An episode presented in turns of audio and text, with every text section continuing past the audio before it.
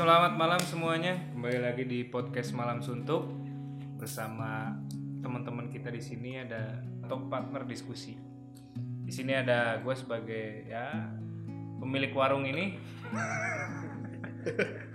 Panjul terus ada eh, A Andriana Wiguna atau sering kita panggil AAW. Terus ada Agis juga. Ya ini salah dua tokoh di perkembangan UPI Kampus Surakarta ya dari angkatan berapa gitu nggak tahu. Terus ada Cahya yang lagi sibuk skripsi dan gak jadi bimbingan karena ketiduran. Astagfirullah. Ada Babe di sini ya kritisi musiman ya. Dua, jangan lupa Dede. Oh iya, Dede Dede Rizky, Rizky Alparizi, tapi dipanggilnya Babe ya. Terus ada Alwi lulusan SKB ya, Sekolah Kebal Bacokan. Cirebon ya. Jadi kita Diogo, ada Diogo belum disebut Diogo. Oh ya, ada ada Bang Yogo. Saya hai dulu dong, Bang. Kebetulan kita dipertemukan ya, ya walaupun sedang pandemi seperti ini, kita dipertemukan dengan ya protokol kesehatan ya. Dan ini juga nggak sengaja nggak direncanain ya daripada hitung-hitung diem aja ataupun ngobrol nggak nggak las gitu kan. Mending kita rekam aja nih. Barangkali ada ilmu yang kita dapat dari teman-teman kita di sini Amin. dari pandangan-pandangan teman-teman kita, sahabat-sahabat kita, senior-senior kita gitu. Nah, kalau bicara tentang pendidikan, sekarang kan kita digembur-gemburin tentang pendidikan merdeka ya. Memerdekakan mem- memerdekakan pendidikan. Dari memerdekakan siswa segala macam terus guru juga merdeka. Dalam artian bebas menentukan nilai ataupun yang nggak diatur dalam apa peraturan yang saklek gitu. Ataupun yang apa diktator gitu loh. Penilaian tuh harus gini harus gitu enggak tapi ini dibebasin semuanya entah itu apa penilaian melalui portofolio ataupun tugas segala macam dari pengamatan langsung observasi dari guru kelasnya ataupun dari nilai-nilai akademik gitu jadi guru bebas menentukan sistem apa yang dipakai untuk menilai siswa. Terus untuk siswa itu dibebaskan dalam artian akademik itu penting tapi bukan utama gitu. Ada hal-hal lain misalkan ya kayak sikap, adab, terus spiritual, emosional, ya ISQ-nya dikedepankan. Tapi berkembang sampai saat ini kan pasti ada pro kontra dong. Ada ya ada positif, ada negatifnya. Apakah benar nih memerdekakan apa memerdekakan pendidikan di Indonesia udah istilahnya udah sesuai dengan tujuannya atau belum nih tujuan pendidikan di Undang-Undang Dasar gimana nih ah menurut teman-teman sekalian Kalau bener dan salah, gue nggak berani bilang bener atau salah. Hmm. Berarti sesuai atau nggak sesuai? Nggak, nggak juga.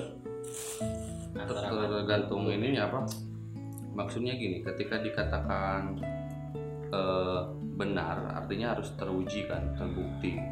Kalau dikatakan sepakat atau tidaknya, saya yang sepakat. Kenapa pendidikan harus freedom atau bebas? Karena membuka ruang gerak siswa itu untuk lebih bereksplorasi tidak dikekang suatu aturan main tertentu yang notabene-nya belum tentu cocok atau pas dengan karakternya tersebut karakter si siswanya tersebut adanya kurikulum salah satu contohnya eh, salah satu tindakan yang mengekang adanya kurikulum itu jadi ketika ada kurikulum di pasca juga dulu sempat jadi pembahasan dan bahkan ada wacana untuk merubah kurikulum. Jadi eh, kurikul kurikulum pendas saja kita bicara pendas atau PGSD. Kenapa seorang guru harus didesain dengan mata kuliah-mata kuliah tertentu? Jadi tidak menitik beratkan ke ahliannya itu di bidang mengajarnya. Kita lihat di PGSD ada mata kuliah eh, apa aja misalnya. Konsep dasar IPA IPS terus apa lagi? Konsep dasar Indonesia. Terus?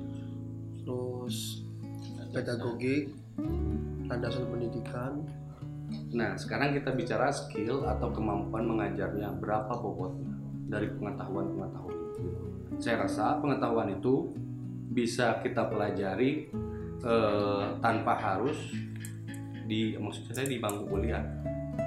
Kenapa nggak nggak kalau kita bicara dunia pendidikan kenapa misalnya di fakultas pendidikan tidak menitik beratkan ke arah guru itu untuk men- eh, untuk membekali guru itu ke skillnya dalam mengajar? Jadi benar-benar fokus ke skill mengajar nah keilmuan lainnya kita ini dikasih keleluasaan. Misalnya di bidang seninya.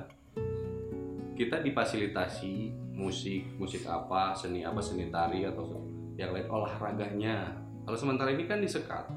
Pendidikan itu uh, ada yang pendas misalnya kalau di pasca terus ada epoknya olahraga ya olahraga. Pendidikan secara umum ya secara umum. Nah kenapa nggak misalnya skillnya aja yang ditetapkan di, di apa dikedepankan kemudian skill-skill lainnya eh, jadi sunnah lah kalau eh, di ibaratnya bahasa agama. Nah itu saya setuju sih di situ karena kalau ngiblatnya ke Amerika, Amerika itu sudah berjalan seperti ini. Ketika ada mahasiswa baru datang, ditawarkanlah mau belajar apa, mau jadi apa. Saya mau jadi seorang eh, misalnya guru, maka ditawarkanlah skill khusus, skill khususnya untuk menjadi guru dan keilmuan lain eh, ditawarkan juga. Artinya ada satu skill yang di dititik beratkan ke tujuannya itu. Ada konsep ilmuwan lain yang dibebaskan dia untuk memilih. Di pasca dulu sempat ada wacana di Indonesia pun mau diberlakukan hal seperti itu jadi kurikulum tetap ada tapi ngasih keleluasaan juga pada peserta didiknya atau mahasiswanya untuk memilih dia mau punya keilmuan seperti apa. Nanti difasilitasi kampus gitu. nggak disekat lagi mungkin nanti prodi prodi. Itu wacananya. Allah alam eh, jadi apa enggaknya dan saya sa- sangat sepakat. Kalau konsep freedomnya seperti itu. Karena kalau freedom top misalnya kita di dunia pendidikan kalau kita bicara freedom bebas bebasnya tanpa batas saya kira keliru juga. Kalau kita mau bicara pendidik dan melatih kan eh, beda. Ketika kita mau melatih tanpa harus ada pembinaan akhlak atau moral juga jalan lah kita ngelatih main atau skill tertentu misalnya main bola main basket cukup skillnya itu aja kalau melatih. Tapi kalau mendidik ada pembinaan moral juga ada bagaimana kita bisa memposisikan skill yang dipelajari itu agar tidak menabrak norma yang ada. Berarti lebih mengutamakan pengetahuan ya? Pengetahuan dalam arti dari landasan konsep dasar konsep dasar serta kurang dalam arti pengaplikasian gue sebagai yang pernah kuliah di pendidikan juga pas gue keluar gue bingung RPP yang bener tuh gimana gitu. cara ngajar penilaian tuh gimana jadi cuma diajarin atau dikasihin semua teorinya aja tapi kurang dalam pengaplikasiannya Ya, itu tadi makanya kata gue butuh eh, penekanan secara khusus skill untuk eh, di lapangannya mengajar Hmm. karena konsep lain saya kira bisa dari buku juga Hmm. tanpa harus ditekankan Iya sih, gue juga ngerasa gitu. Jadi setiap misalkan kontrak kuliah ataupun milih mata pelajaran juga harus ditentuin harus berapa SKS dan mana-mana aja yang harus diambil. betul dan dilemanya gini John ketika seseorang punya bakat di seninya atau di- punya bakat di olahraganya dia bakal jadi kaku Hmm. contoh ente nih punya bakat di seni main musik tapi masuk prodinya pendas di lapangan ente nggak akan punya porsi untuk ngajar seni padahal skill ente dalam bermusik cukup tinggi daripada guru seni yang ada di eh, misalnya eh, perguruan tinggi itu. Hmm. Kemudian ke kalau olahraga kita punya skill tertentu bahkan lebih eh, skill kita di olahraga, tapi kita bukan dosen olahraga atau guru olahraga nih. Lantas adalah guru olahraga yang misalnya perempuan yang gitu kan yang ruang geraknya juga kadang terbatas gitu. Nah itu itu dilemanya. Kalau konsep tadi benar-benar dijalankan eh, konsep freedom eh, yang kita ngiblat dari Amerika yang udah berjalan katanya tapi ya kata dosen saya di Amerika seperti itu dia udah bisa berjalan jadi ada fokus yang dititik beratkan ada juga yang konsep keilmuan lain dikasih keleluasaan akhirnya si guru itu pun merasa jadi jati diri sesungguhnya gitu jadi dia hidup kalau misalnya jadi guru dengan karakter yang sebenarnya. Skillnya dia perdalam misalnya dia suka seni juga atau suka olahraga juga dia ngambil mata kuliah seninya juga diperdalam juga. Benar-benar jadi jati dirinya itu sendiri. Enggak sih, tapi kalau bicara kebebasan khususnya di pendidikan ya ya udah tadi yang dibilang kayak gitu ya udah ideal lah. Cuman eh, yang ingin di apa di highlight ya, bukan di garis bawahi di bold gitu enggak sih. Tapi lebih kepada eh, kurikulum gitu. Dalam pembahasan kurikulum itu tetap harus ada kurikulum yang udah ada pakemnya ya yang yang sesuai gitu Eh, ketika jadi seorang guru ya memang harus ada mata kuliah dasar yang harus diperdalam gitu kan adapun pengembangan tadi ya saya setuju juga seperti itu tapi yang jadi masalah memang eh, pengaplikasian. Kadang aturan kurikulum di di pusat itu entah itu dari undang-undang sendiri itu turunan-turunan itu kadang berbeda. Karena kadang eh, perbedaan mema- cara memahami baik itu secara harfiah ataupun secara eh, apa istilah makna itu berbeda. Kayak misalkan ini kasus waktu apa sih dulu RPP dah dari dari kurikulum eh, apa namanya silabus sampai ke RPP eh, pelatihan dari dosen ke guru itu ternyata berbeda pemahamannya. Setiap dosen pun berbeda tentang pe- pemahaman RPP. Nah, maka dari itu pemerintah itu mencanangkan bagaimana kalau didetail aja semuanya gitu. Nah, ini juga ada satu hal yang bagus, tapi juga akhirnya jadi statis ke bawah itu. Kalau segala sesuatu diatur sedemikian rupa rinci, ruang gerak bebasnya itu berarti sudah nggak ada. Seperti itu. Tapi dilema juga di kita itu belum terbiasa dengan argumentasi, perbedaan pendapat, debat dan segala macamnya. Jadi ketika ada perbedaan pandangan dan segala macam itu akan jadi kontra yang besar sekali gitu. Termasuk dalam kurikulum. Bagi saya dulu termasuk mungkin eh, Bang Abis pernah alami ya di kuliahan ataupun di lapangan di guru gitu. Ketika bertanya ke guru ini cara bikin RPP mungkin yang tadi dijelaskan oh ini nggak bener nih seperti ini seperti ini atau bahkan pengawas pengawas A seperti ini pengawas B seperti itu akhirnya perlu juga dibikin satu eh, landasan yang memang pasti gitu. Tapi yang menjadi bebas itu di sana adalah bagaimana guru melihat eh, potensi peserta didik nantinya disesuaikan di lapangan. Tidak seperti sekarang sampai diatur ada ada kurikulum anti korupsi harus dimasukkan siswa mampu dan segala padahal nggak seperti itu gitu. Jadi ada ada miskonsepsi dan mis eh, apa istilahnya ya dari atas sampai ke bawah itu turunannya berbeda. Ukuran dari atas itu nggak dipakai. Itu yang jadi masalah di, di pendidikan kita akhirnya apa yang dicanangkan di atas konsepnya sampai ke bawah itu beragam warnanya Hmm. nggak nggak ser- serupa. Nah jadi kurikulum itu tetap harus ada pakemnya, cuman ya itu tadi kebebasan itu dalam artian aplika, pengaplikasian di di eh, ranah belajar sekolah itu tergantung dari pada daerah itu sendiri, demografinya, bagaimana siswanya, kulturnya, seperti itu mungkin kebebasan dalam artian kurikulum ya saya batasi di kurikulum itu seperti itu sih kalau menurut saya.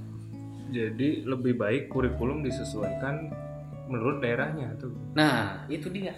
Jadi dari atas itu udah punya pakem kurikulum misalkan Eh, kan ber eh, kurikulum itu diambil daripada tujuan pendidikan nasional kan ya seperti itu itu udah pasti tapi ketika di daerah itu disesuaikan. Nggak bisa. Sekarang begini eh, lucu aja gitu. Kalau misalkan kurikulum yang ada di sekolah eh, di negara kita diterapkan di seluruh daerah di Indonesia. Yang enak itu kota-kota berkembang. Jakarta bener. Bandung Surabaya alat eh, segala macam itu mendukung. Tapi bagaimana dengan yang di pedalaman? Nah itu kan berbeda. Termasuk kultur budaya itu nggak bisa dipaksakan gitu. Sekarang eh, pembelajaran yang marak nih daring nih kayak gini. Itu kan nggak bisa dipaksakan. Orang kota bisa ketika dapat instruksi dari pemerintah ataupun kementerian terkait pembelajaran kita pakai kurikulum daring aja dulu gitu kan. Eh, belajarnya di rumah apa namanya PSJJ ya? Nah, nah gitu kan. Tapi kan nggak semua bisa nggak semua mampu khususnya daerah-daerah terpencil. Ada juga yang kayak orang-orang mohon maaf negara kita eh, garis kemiskinannya kan lebih dari 30% kan ya. Hmm. banyak banget gitu. Itu sangat sulit gitu. ada bahkan yang petani mana punya dia handphone segala macam kan. Nah itu yang harus eh, disesuaikan. Artinya aturan dari pemerintah itu pembelajaran jarak jauh itu juga eh, berlaku tapi disesuaikan dengan kultur daerah kemampuan daerah dan seperti eh, dan yang lain-lainnya seperti itu. Itu sih kalau menurut gua yang yang jadi eh, bahan apa ya renungan buat gua gitu.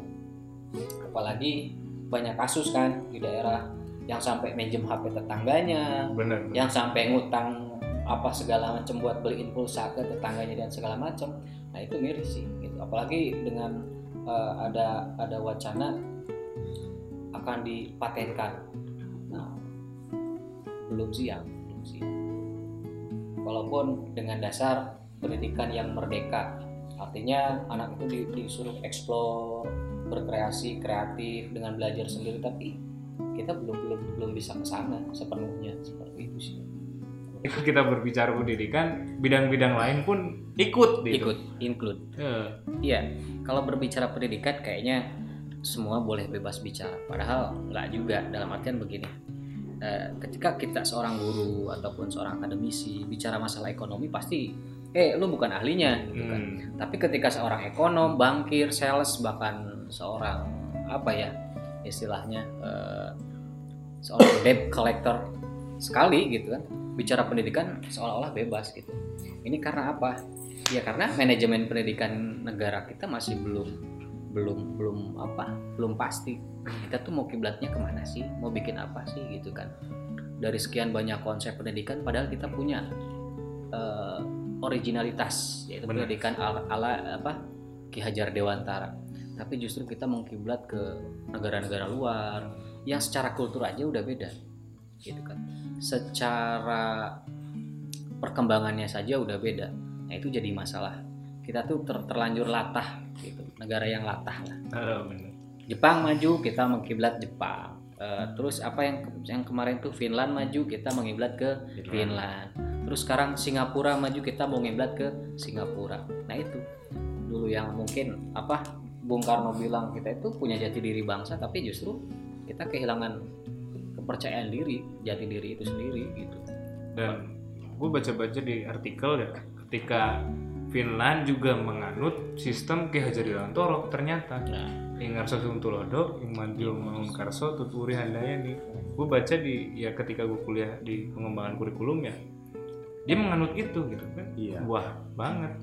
Tapi kita mengiblatnya ke sana malah bukan ke diri kita sendiri. Kenapa? Karena mereka ngiblatnya itu ke nilainya. Hmm. Kita ngiblat teknisnya Nah. untuk pencapaian nilai itu. Gitu. Sebenarnya kalau melihat pendidikan di Indonesia, marak kemarin kurtilas. Sekarang di dunia kampus, kurtilas dibahas nggak? Dibekali nggak kita dengan skill itu? Atau gini Nah, analoginya? Ente ketika lulus ini, apa yang bikin ente pusing? Sejatinya kalau kita dicetak jadi guru nggak akan ada yang bikin pusing. Hmm. Contoh dokter, ketika dia lulus jadi dokter, dia kan nggak akan gelagapan megang orang yang sakit. Tapi guru selalu dihadirkan dengan peristiwa-peristiwa baru yang bikin mereka gelagapan. Nah ini apa yang salah? coba kita tuh didesain jadi ahli loh di, di guru itu kita di dibimbing psikologi anaknya skill mengajarnya. Tapi kita, kenapa ketika kita nyemplung ke dunia kerja kita sering sering kali gelagapan. Ada aturan main yang berubah-ubah. Nggak kayak dokter gitu. Harusnya mah nah maksud saya itu tadi kampus itu bisa menyiapkan membekali diri kita itu untuk bisa terampil ketika di lapangan. Bila perlu eh, apa pemerintah itu terlalu dalam mencampuri atau bahkan mengekang nah, kita bereaksi gitu. Untuk mengejar kebebasan itu dan dan kan secara logikanya juga kita itu didesain untuk jadi ahlinya di bidang pendidikan. Kita kita lihat sekarang pembuat kurikulum ahli pendidikan bukan ini pasti. Saya enggak. Saya Enggak udah gitu. diskusi. Bukan. Bukan Hmm. bukan. Tokoh Orang pendidikan teknik. yang bikin kurikulum di atas bukan orang-orang UPI bahkan orang UPI hanya dipinta masukan dan itu beberapa aja. Nah kata Bu Erna Wulan teknisnya saya itu dulu udah begini begini begini tapi tetap katanya. Jadi ini lagi lebih ke atas ya Hmm. ada semacam proyek tertentu.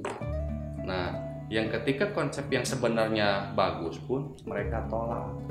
Contoh pengadaan buku guru pengadaan buku kepala sekolah pengadaan buku siswa.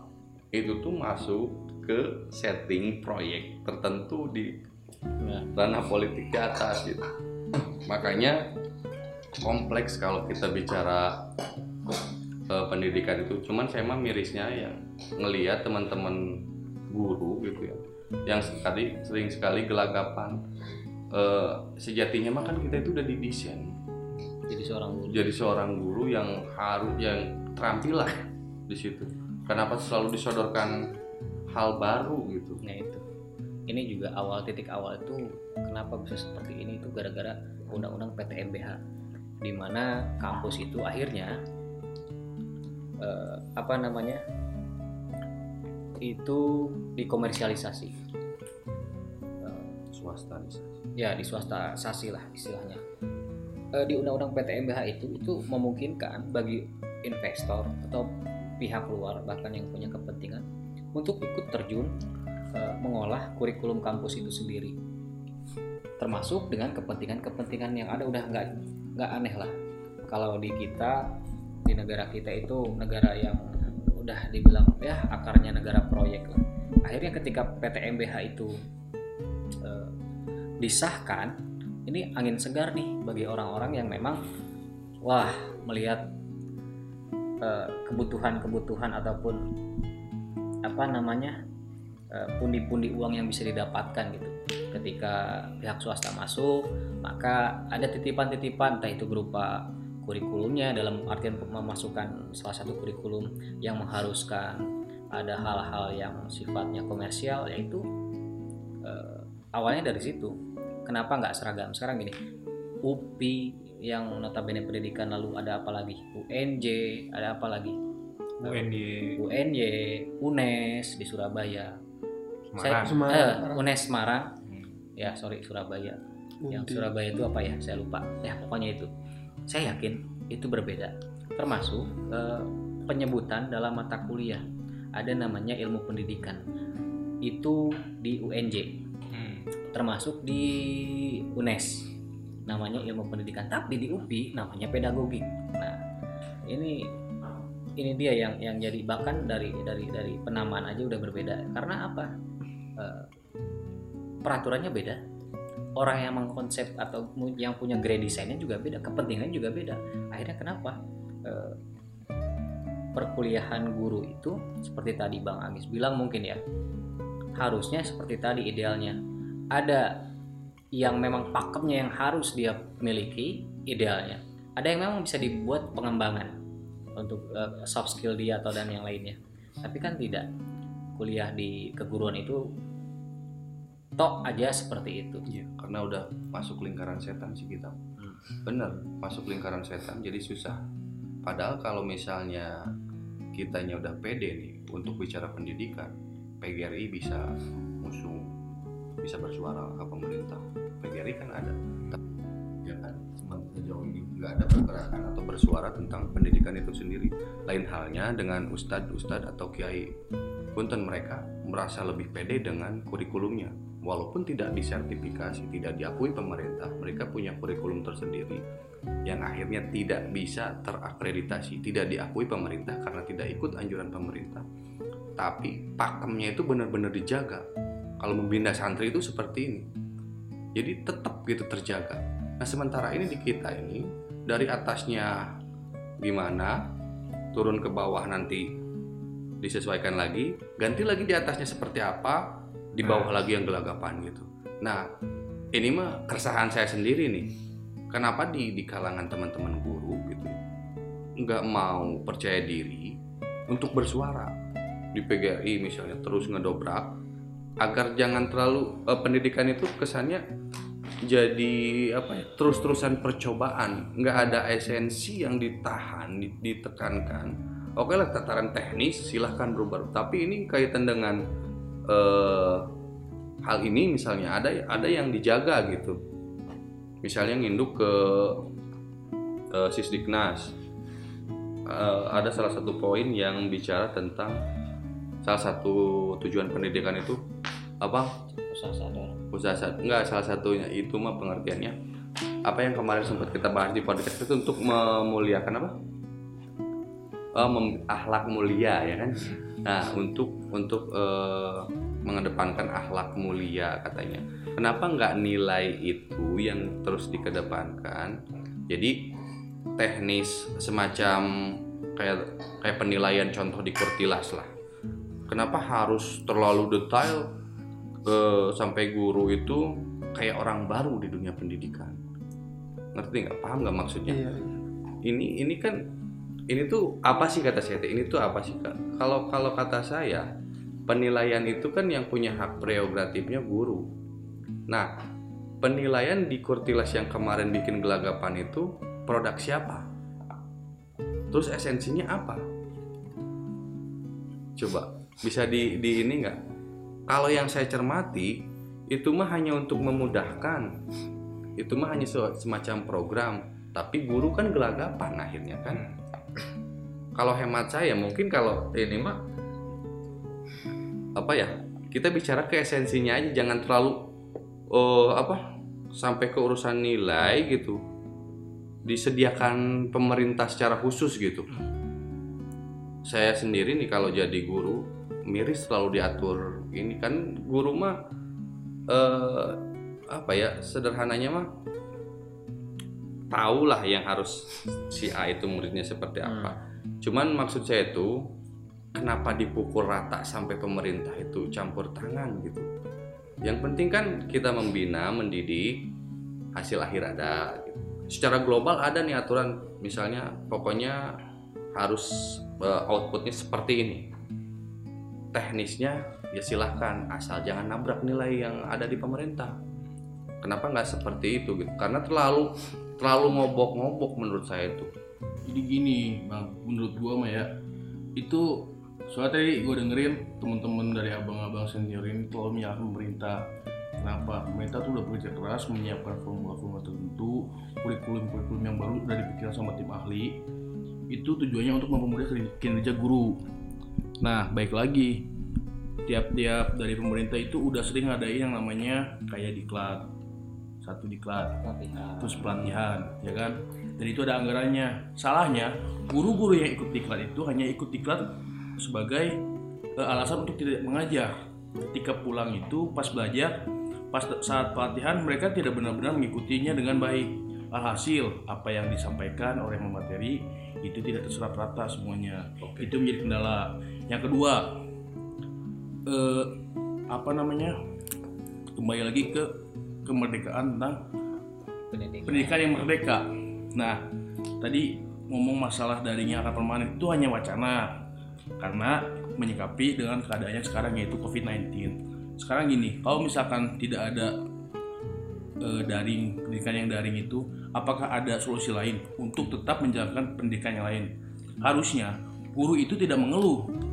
Guru itu harus bisa kreatif. Misalkan ada beberapa siswa yang tidak punya handphone orang tuanya, bikin kelompok misalkan. Guru-guru yang kreatif yang kreatif harusnya kayak gitu. Bikin satu kelompok di mana satu eh, tugas atau yang diberikan oleh guru itu diberikan satu yang punya fasilitas nah disebarkan itu salah satunya. Yang keduanya si guru jemput bola. Itu bisa jemput bola. Asalkan kan pemerintah sudah memberikan surat tugas. Bisa ya. Iya. kayak misalkan surat-surat itu kan kita bisa ke mana aja asalkan eh, mengikuti protokol kesehatan yang ada. Harusnya seperti itu guru tuh. Jangan mau jangan maunya disuapin dan disuapin terus seperti itu. Gue tanggapin ya kalau gue tetap berpandangan ini pemerintah. Tidak secara murni pemerintah tapi eh, titik beratnya di pemerintah. Contoh kalau tadi yang diutarakan Yogo seperti apa tadi? Pelatihan ya kan? Guru nah lantas fungsi pendidikan di perguruan tinggi itu mencetak outputnya mana? Kok pemerintah lagi pemerintah lagi? Logika lagi kalau dokter dokter itu kan disetting nih kalau penyakitnya ini nih kalau bencana seperti ini. Ada ada penanganan penanganannya udah disetting. Kenapa pemerintah itu menjadikan itu proyek bukan instruksi ke perguruan tinggi? Maksud gua tuh gitu lantas apa peran perguruan tinggi itu kalau terus terusan pemerintah yang bicara percuma dong nyetak nyetak eh, guru calon Iya kan? Kalau guru terlalu diatur ini itu sama pemerintah. Harusnya instruksi dong, instruksi ke perguruan tinggi. Setting outputnya seperti ini. Harusnya seperti itu maksud gua. Kalau kalau dihadapkan terus yang seperti ini ya guru. Kalau kata gue nggak usah di pendidikan lah lo jadi ini. Jadi kalau pengen jadi guru kalau kalau ke depannya harus mengikuti instruksi terus pemerintah gitu. Maksud gua tuh gitu. Nah, jadi gini bang, abang mungkin dari sudut pandang bang bang Adi sendiri ya. Lah iya. Sekarang gini, setiap setiap universitas punya kurikulumnya masing-masing nggak? Betul. Punya. Itu Betul. hidupnya ke mana? Pemerintah Pemerintah yang yang diminta apa aja? Maksudnya Yang diminta outputnya seperti itu. ya kan ada aturan Calon mainnya di Ada aturan Ada. mainnya. Nah, di situ harusnya teman-teman dari dosen sendiri harus bisa lebih kreatif. kreatif gimana? Misalkan eh, tadi mengkritisi masalah kurtilas. Adakah so- misalkan eh, pendidikan kurtilas di, di kampus? Tadi kan gue udah bahas pembahasan sama Bu Erna bulan dulu. Ketika dosen UPI bicara eh, tentang kurikulum, kalah suara di atasnya. Itu kurikulumnya hampir sama dengan kurtilas. Itu pembahasan kurtilas. Itu pembahasan ketika adu argumen tentang kurtilas. Hmm. Bu Erna bulan kalah suara di sana. jadi gini kok eh, Gitu. di setiap pendidikan ataupun ketika keluar kurikulum itu yang menggodok itu justru bukan orang-orang pendidikan Hmm. yang pertama itu yang kedua di setiap perguruan tinggi itu pun yang bawa produknya istilah dia bawa tas itu tas dalamnya kurikulum itu dari sana pemerintah dan pe- perguruan tinggi itu tidak disetting untuk silahkan ini dijabarkan bagusnya bagaimana tidak. Tapi udah nih pakai. Nah, itu. itu. Itu yang jadi masalah. Tenis di atas itu. Jadi gue menyalahkan pemerintah bukan semata-mata sensi ke pemerintah, tapi faktanya seperti itu yang dilihat gitu dirasakan. Walaupun secara eh, apa ya kas, eh, kasat mata misalnya kita lihat itu bagus. Karena kan walaupun ada program baru tapi pemerintah peduli untuk dibina gitu. Lantas gue memikirnya kenapa nggak ke nggak nggak ke instruksi aja ke perguruan tinggi untuk dicetak gitu. Ini mau ada aturan baru kurikulum baru siapkan eh, output nanti untuk eh, eh, mahir di kurikulum ini. Maksud gua tuh gitu. Disiapkan dulu ke perguruan tingginya jangan jadi jebolannya itu outputnya itu gelagapan kan jadinya lucu kalau kata gua kenapa kenapa nggak kayak dokter gitu kan? Ketika ada bencana dia tahu penanganannya seperti apa. Pandemi seperti ini dia tahu harus berbuat seperti apa. Ini tuh kan kita di settingnya punya skill tertentu kalau di guru itu. Setara dokter. Walaupun sekarang dicanangkan ada pendidikan profesi ya penambahan gitu ya tapi pasti nantinya tetap aja ada aturan baru ya. Guru harus ikut seminar pelatihan lokakarya dan yang lainnya. Dan itu kan juga akan menambah anggaran ataupun pemborosan jadinya. Tuh seperti itu. Dan yang tadi dibilang konsep pendidikan merdeka itu akhirnya nggak ada. Betul. Tapi terus-terusan aja tapi emang selepas itu menurut gua ya benar atau salahnya sebenarnya emang bagus kurikulum yang dibuat pemerintah tapi tinggal penyesuaiannya terhadap guru-guru yang tidak lagi muda gitu. Itu yang memberatkan sih menurutku. Jadi harus ada penyesuaian lagi ketika emang diterapkan nih misalnya pemerintah masuk universitas oke lah itu akan menjadi keluar cetakan misalnya pendidikan kurtilas. Yang keluar pasti dia kurtilas gitu. Tapi ketika guru-guru tua yang nanti penyesuaian tentang dari media elektroniknya. Itu Dan boleh juga- lah itu masuk. Nah. Itu masuk. Tapi kan lucu ketika output baru nih masih grace gelagapan gitu Nah. kan itu jadi lucu. Maksud gua maksudnya gitu gua, bang. Siap siap. Enggak, sebenarnya gini. jadi penyesuaian ke guru-guru yang kurang maksudnya yang sudah Ya, tidak oke muda lah. lagi. Jadi gini teman-teman apa yang namanya mahasiswa itu kapasitasnya kan berapa persen dari mahasiswa sedikitnya di dosen. Bener nggak? Banyak Bener. dosen yang masuk cuma memberikan kerjakan tugas ini, ambil referensi buku dari sini sini sini. Mahasiswa lebih aktif. betul Ma- mahasiswa itu adalah agen of change agen perubahan. Nah, sekarang kenapa ketika mereka jadi lulusan gelagapan alhasil kuliahnya mereka itu tidak memanfaatkan status mereka sebagai mahasiswa. lah enggak gitu bos Nanti dulu bang, tapi bisa gitu soalnya. soalnya oh, gini, Nah, pemerintah itu hanya memfasilitasi, memfasilitasi Betul. kayak betul iya memfasilitasi. sepakat Terus cuman eh, tadi dari dari obrolan Bang Agi sama Mang Awe itu kesannya kayak sensi ke pemerintah gitu. Enggak. Seakan-akan hasil dari pemerintah itu nggak ada gunanya. Satu. Emang. Nah, iya nggak ada gunanya. Cuman kan lagi-lagi kenapa kenapa kenapa apa namanya? Kenapa sekarang sampai sekarang juga masih ada gelagapan ya itu tadi karena ketika ada pelatihan atau seminar teknik yang lainnya itu orientasinya hanya untuk eh, pemenuhan kegiatan atau kayak misalkan apa namanya itu dulu yang ngomong kan? itu lu yang ngomong? Iya dari gurunya. Ah, gini enggak. Kalau instruksinya lewat perguruan tinggi bisa berlaku nggak kak? Itu.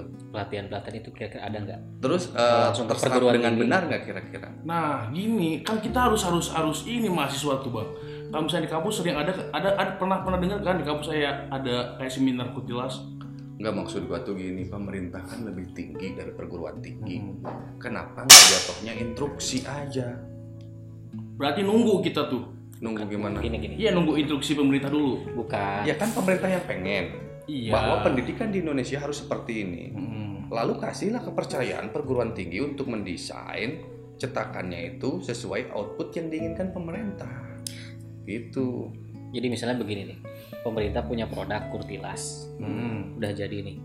Kenapa nggak langsung disosialisasikan di perguruan tinggi? Bikin sendiri eh, mata kuliah kurtilas. Sehingga nantinya ketika mahasiswa itu lulus dia tinggal pakai dia udah ngerti gitu. Bukan lagi mahasiswa eh, perguruan tinggi dikasih kurikulum perguruan tinggi pas keluar eh, muncul kurtilas nggak ngerti keguruan itu. Akhirnya di lokakaryakan diseminarkan. Lantas ini masih mending.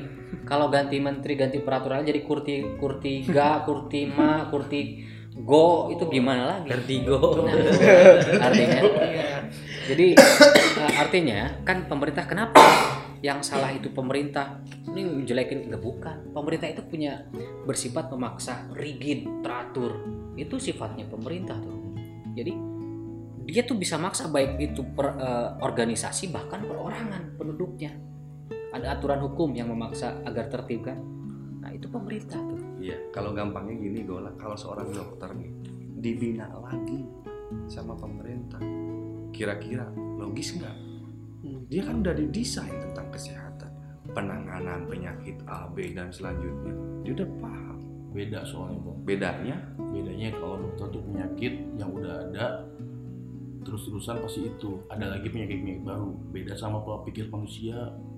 kalau pikir manusia. Karena gini, Ini mah- objek bentar lu bang, objeknya dokter tuh orang yang sakit, nyembuhin orang yang sakit. Sedangkan manusia itu pendidikan pendidikan itu eh, apa objeknya itu manusia yang tiap tahun itu patutnya berkembang dan berkembang terus tergantung lingkungannya kayak kemajuan teknologi itu nggak ngaruh juga. Makanya banyak kayak misalkan kurikulum-kurikulum itu pasti ada perubahan-perubahannya penyesuaian Sepakat, sama kemajuannya kayak gitu. Oke, nggak bisa disamain kayak gitu. Oke, sepakat. nggak bisa jadi perbandingan. Ya bisa, bisa ada bi- eh, bisanya di skillnya, skill yang di eh, katakanlah dokter untuk penyakit, ini untuk pendidikan. Mm-mm. untuk pendidikan bisa skillnya kenapa? Nah sekarang gue tanya pendidikan output atau hasil output dari eh, guru ini seperti apa? Kalau terus-terusan pemerintah terus lantas ada eh, perguruan tinggi itu fungsinya apa? Maksud gue tuh gitu. Ya kan harusnya mencetak. Skillnya harusnya idealnya sama kayak dokter. Skillnya. Skill bukan jenis jenis yang ditanganinya nantinya gitu bukan. Dokter juga beragam. Kasus kayak gini baru di dokter. Tapi mana campur tangan pemerintah? Menyerahkan. Silahkan dianalisa. Ahlinya loh ahli kesehatan yang bicara. Kementerian kesehatan menyerahkan ke tim medis. Diskusilah mereka. Setor ke pemerintah. Nah di pendidikan sekarang seperti itu enggak Eh, Nah, jadi gini jatuhnya gimana ya? Gimana lagi loh Eh, soalnya pendidikan itu sama sepakat tuh tapi iya cuman itu nggak bisa jadi bahan perbandingan bang. Jadi kayak misalkan gini ya. Ilmu itu terus berkembang begitu itu satu salah satunya. Itu pasti hakikat ilmu Iya, seperti di itu kedokteran juga sama nggak? Sama, sama oke cuman terus kasusnya tuh beda.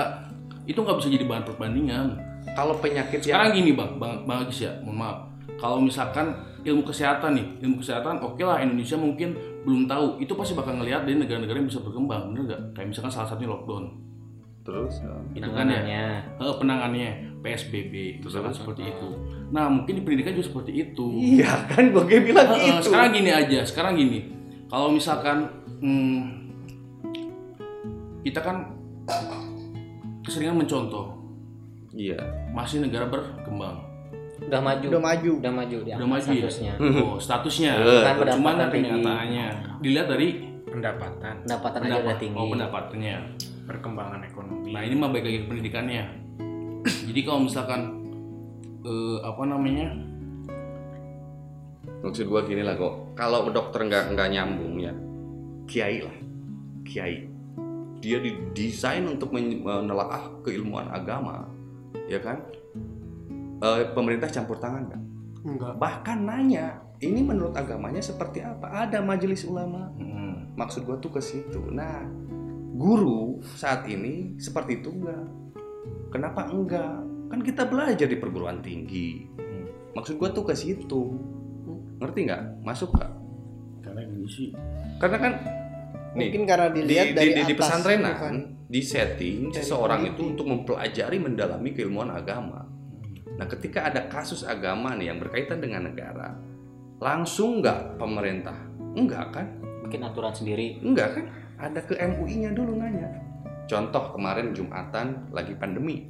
Secara syariat agama bagaimana? Nanya pemerintah itu ke ahlinya. Nah sekarang ini pendidikan itu terlalu didikte sama pemerintah, bos. beda Nggak dikasih keleluasaan. Paham sekarang paham masuk. Oke. jadi yang dimaksud merdekanya itu itu. Dalam artian bolehlah silahkan pemerintah bikin aturan kebijakan tentang pendidikan yang sesuai dengan sisdiknas. Tapi nah jangan sampai terlalu statis kayak robot. Gitu maksudnya. Segala aturan ini A sampai nilai aja indikator ininya harus gini pencapaiannya. Setiap anak pencapaiannya beda. Kan gitu. Sekarang misalkan di pe- pelajaran PPKN deh saya saya contohkan ya. Anak-anak itu harus mampu eh, mencintai bahkan mengetahui para pahlawannya. Nggak semua anak senang sejarah ya kan? Dan indikator pencapaian nilainya harus sekian.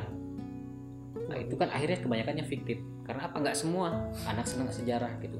Kalau hal-hal kecil aja kayak gitu terus diatur di mana bentuk pendidikan yang merdeka itu? Itu maksudnya. Apalagi pemerintah juga yaitu tadi setiap eh, di perguruan tinggi khususnya ketika mulai dirumuskan bahkan disahkan PTMBH swasta boleh masuk artinya apa?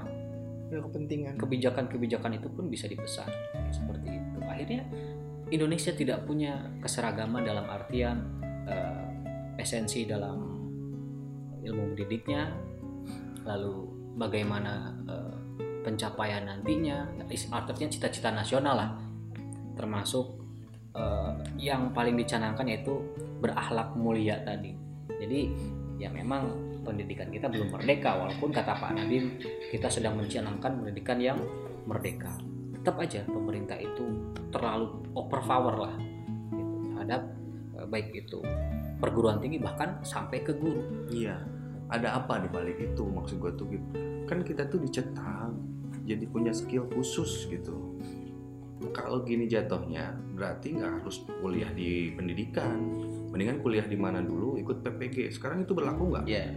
kalau itu berlaku Hancur. orang yang seperti itu bahkan yang punya, punya potensi untuk jadi lebih baik seorang guru misalnya si Babe punya keterampilan di bidang agama yang lebih dalam daripada kita kita misalnya karena pondokan karena pesantren tapi dia nggak ikut nondik eh dia ikutnya maksudnya dia nggak ikut kuliah pendidikan dia nondik tapi dia jadi guru kemudian ikutlah PPG disahkan pemerintah nggak Hmm. disahkan. Nah, si Babe berpotensi untuk menjadi guru yang ideal, jadi guru agama yang ideal. Kenapa? Karena skill yang dia punya udah ada. Maksud gue tuh gitu. Nah sekarang gini bang, kalau misalkan yang dicanangkan menteri kita itu belum atau masih dalam proses, kira-kira nih Mm-mm, menurut abang-abang semuanya nih betul. pendidikan yang merdeka itu seperti apa? Nah, itu diskusikan, kemudian sosialisasikan di perguruan tinggi. Yang dimaksud Nadim itu, menteri kita itu seperti apa? Diskusikan. Nabrak nilai pendidikan di Indonesia enggak? Itu, itu harus didiskusikan karena kita benar tadi. Kalau terlalu ngiblat ke barat, kita akan lupa ketimuran kita. Gitu. Terus tadi kan dis- disinggung juga eh, Finlandia sendiri nganutnya ke ke apa tadi tuh? Ki Hajar. Nah, jadi didiskusikan dulu sama tokoh-tokoh pendidikan. Nah, setelah disepakati, per- eh, barulah nanti perguruan tinggi ini yang mencetak. Itu maksudnya. Iya. Jadi begitu output keluar itu nggak gelagapan. Gua mah miris ngelihatnya. Oh, ongkos kuliah di keguruan tapi kok jadi Bingung. siga heeh, jadi siga jebolan SPG kasarnya. bahkan bahkan pelatihan pun itu berjilid-jilid loh Mm-mm. sekarang pelatihan kurtilas bikin menyusun RPP nanti ada penambahan lagi cuman penambahan satu kolom aja itu harus dibikin pelatihan penambahan ada indikator ini aja harus dibikin pelatihan habis energi sama biaya kita itu sedangkan Ribu berarti ya pak. wah itu Sistem penilaian yang baru sekarang ini aja gua rasa bukan memudahkan guru, justru di guru itu kesulitan. Ini memudahkan pihak lain yang punya kepentingan. Jadi untuk jatuhnya kasus eh, misalnya entry data khususnya karena sekarang digitalisasi untuk memudahkan. Jadi guru-guru dikasihlah tuh program itu. Jadi jatuhnya pendidikan Indonesia tuh lebih menganut ke sistem pendidikan kolonial berarti. betul masih Jadi pendidikan yang bertujuan untuk mementingkan penjajah. iya Dalam artian penjajah di sini kaum kapitalis lah. Hmm. Kapitalis yang bergelut dalam bisnis. pendidikan Nah sekarang coba lihat kita udah diatur sedemikian rupa kan. Jadi siswa itu bukan sebagai subjek tapi sebagai objek. gitu. Terus apa orientasinya itu pewarisan ilmu bukan pendewasaan pola pemikiran. Iya kan? Nah Akademik lah ya. akademik, akademisi. Nah, ini juga bukan pure salah pemerintah. Ini juga masyarakat juga andil dari apa? Dalam artian punya andil besar dal- dalam masalah ini. Misalkan sekarang orang tua. Sepakat kalau pendidikan itu tanggung jawab bersama. Nah, Tapi yang punya kapasitas mengatur itu pemerintah. iya, tapi kan di sini masyarakat juga berperan. Nah, sekarang contoh kecil aja. Ada segelintir ataupun segelintir banyak ataupun ya hampir 70 atau 50% kalau dilihat ya dari gua di lingkungan sekitar sekolah gua gitu kan masih berpandangan bahwa siswa yang pinter adalah siswa yang nilainya bagus gitu. Hmm. Nilai akademiknya bagus. Itu tuh sebenarnya penyakit dari masyarakatnya itu sendiri kan. nah. Kenapa? Karena kalau pengen lulus perguruan tinggi, ah, kalau pengen masuk nih ke sekolah tertentu harus nilainya A. karena ya, jadi Ada karena sistemnya standarnya. juga Ada standarisasi. benar tadi Hmm. Eh, mau maaf dipotong ya memang masih menganut sistem kolonialisasi termasuk ra- rankingan kan itu kan eh, jadul sekali itu kalau di Eropa Eropa kan sekarang udah nggak ada tuh sistem Hmm. ranking-ranking kayak gitu kan lebih kepada eh, pencapaian dia tuh dilihat daripada outputnya gitu. Kayak produk lah gitu. Eh, apa namanya tadi itu yang orang tua cara berpikir itu kan dipengaruhi pendidikan. Hmm. sekarang orang tua itu dididik sama siapa? Sama guru. Gurunya dari mana aturannya? Iya sih. Dari pemerintah. Pemerintah. Bukan dari yang bagaimana pemahaman konsep-konsep tentang nilai yang bagus itu? A itu tuh dari siapa pemegang kebijakan paling nah itu saya bilang eh, kalau mau nyalahin pendidikan kita itu salah siapa sih? Di pemerintah. Yang paling inti itu itu core-nya.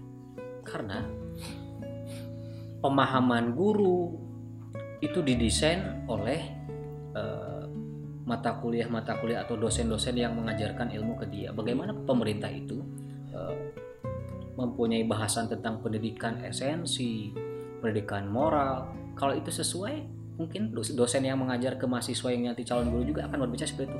Nilai itu nggak terlalu penting lah. Boleh silahkan kamu bagus nilai kamu akademis. Tapi yang paling penting kamu tuh jadi orang jujur dan segala macamnya. Mungkin orang tua yang sekarang dulu pernah kuliah juga akan berpikir seperti itu. Begitu. Ya artinya yang salah siapa ya? Siapa lagi? Karena pem- pemerintah itu punya eh, hak untuk memaksa gitu kan? Iya. hak untuk mengatur Iya. dan bahkan punya alat kontrol. Hukum polisi. Betul. Hakim siapa lagi semua? Terus nih gue mau nanya ke ente Jo. Sempet aneh nggak? Kenapa harus ada PPG yang notabene harus dikarantina lagi kuliah lagi lah? Basicnya padahal kita pendidik. Nah itu yang jadi pertanyaan. Aneh nggak? aneh sih kalau dalam artian itu padahal kita kuliahnya udah di tujuan untuk jadi guru ya. Tapi yang non-dik yang istilahnya beda tujuan. Misalkan tujuannya beda misalkan di di luar ekonomi Ya. ya kan mereka bergelut di ekonomi ya tapi kan bisa masuk Ya, gara-gara kalau PPG. dalihnya sertifikasi nih ya Eh. untuk mengukur ke profesional guru kenapa nggak diuji aja Mm-mm. jadi kita tuh nggak kuliah nggak kayak kesannya kuliah Dua terus kali. ujian lagi heeh. sok aja kan tes ujian kayak PNS gitu loh bila perlu dengan prakteknya kenapa kalau kalau kalau konsepnya sertifikasi kenapa nggak diujinya bener-bener skillnya si guru itu gitu oh ini mah jatuhnya pembinaan lah Jadi jatuhnya gini ketika misalkan jalur jurusan lain mah boleh bisa masuk ke guru tapi jurusan lain nggak bisa masuk ke dokter bilang tadi. Kan dokter harus punya sertifikasi tapi kan kita misalkan bisa nggak pendidikan Masuk ke dokter? Masuk profesi dokter jadi dokter nggak bisa kan? Nah tapi ini terlalu elastis lah terlalu longgar nah banget itu. Iya. Artinya dari awal udah didesain bahwasanya oh ini proyek yang bagus. nih ini bisa menghasilkan pundi-pundi kan seperti itu.